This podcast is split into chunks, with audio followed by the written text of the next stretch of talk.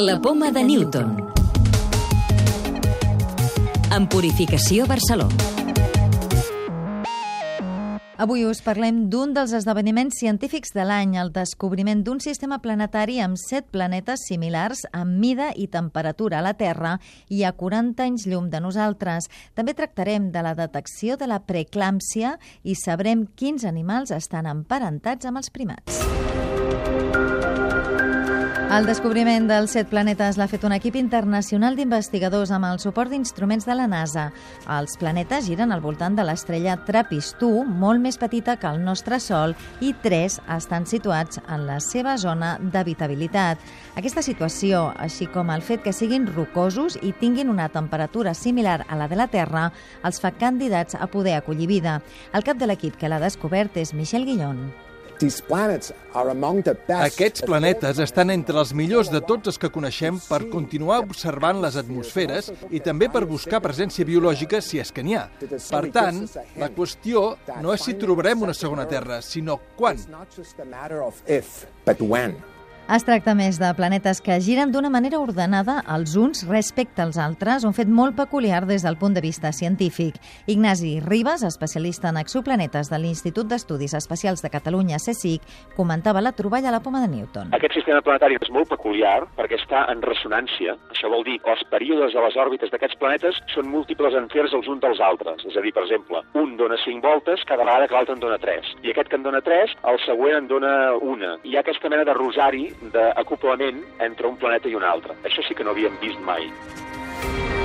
Tots set planetes tenen unes temperatures superficials calculades que no estan gaire lluny de tenir aquestes condicions adients. No? Tres d'aquests planetes, d'aquests set, estan situats a dintre aquesta zona d'habitabilitat. Vale? Són planetes petits, semblant a la nostra Terra, i que, per tant, si tinguessin aigua, aquesta aigua seria en forma líquida. La Terra és un planeta petit dels que costa de trobar, i aquí trobem set planetes semblants al nostre al voltant d'una estrella. Això sí que és una novetat. Els altres que havíem de trobat de sistemes planetaris múltiples eren tots sistemes planetaris de planetes més grans que la nostra Terra. La recerca l'ha publicada en la revista Nature.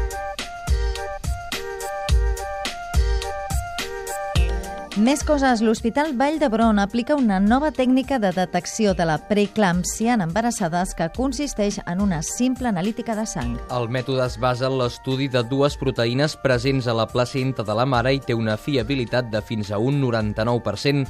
Elisa Llurba és la cap del Servei d'Insuficiència Placentària de la Vall d'Hebron. Aquest grup de dones del risc té un 99% de descartar aquelles que faran preeclàmpsia i un 60% de capacitat de detecció d'aquelles que faran la preeclàmpsia preeclàmpsia. Una nova tireta en fase d'assaig monitoritza l'estat de les ferides, envia la informació al mòbil en temps real i avisa sobre quan és necessari canviar-la. Aquesta tireta intel·ligent és un projecte d'investigació de científics de l'Aràbia Saudita i pot servir per millorar el tractament i la curació de les ferides cròniques. L'apòsit es col·loca sobre la ferida i enregistra dades sobre el pH, la pressió i el sagnat per identificar infeccions i establir el tractament més adequat. La NASA enviarà dues missions per estudiar asteroides el 2021 i el 2023 dins del programa Discovery. L'objectiu és conèixer molt millor aquest tipus d'objectes, alguns dels quals podrien suposar riscos per la Terra.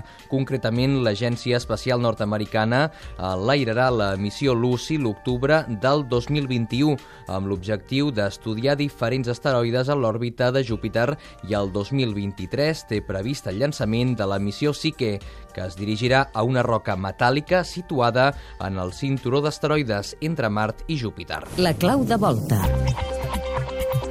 És cert que hi ha parentesc entre els micos i els conills? Àlex Pérez, de l'àrea de recerca i coneixement de l'obra social La Caixa. Primats, rosegadors, juntament amb els lagomorfes, o sigui, els conills, formen un clado dels euracontoglires, i això ve recolzat per les dades moleculars.